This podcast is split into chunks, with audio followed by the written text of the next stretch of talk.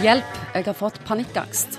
Eller det kan skje at noen får panikkangst ved siden av meg. Tror jeg. Vet ikke helt. Nei, ja. ja. Ja, panikkangst er jo Det ligger jo i ordet. Det er jo eh, en dramatisk følelse.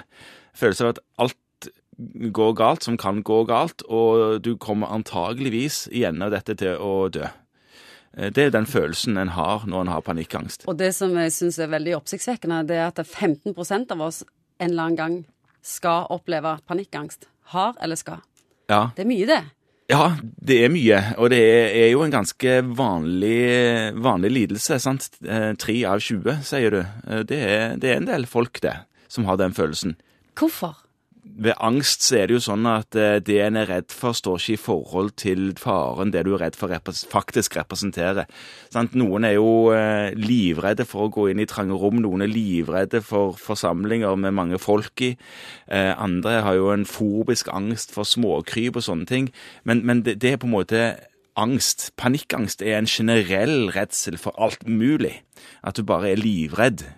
Hva gjør jeg hvis jeg mistenker at noen ved siden av meg har panikkangst? Ja, Hvis du er ute med en venninne, og du vet at den venninnen har, eh, har det problemet, så, så er det jo å roe ned situasjonen. Ta til side, fjerne det som utløste reaksjonen.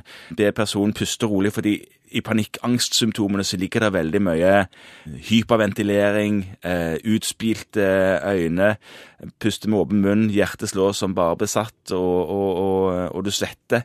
Og da er det jo å roe ned og avdramatisere og si at dette går bra, nå må du puste rolig med magen, og dette har du vært gjennom før, du vet dette er egentlig ikke farlig, det bare føles sånn. Ja, ta til side og roe ned er jo en, en god, god idé.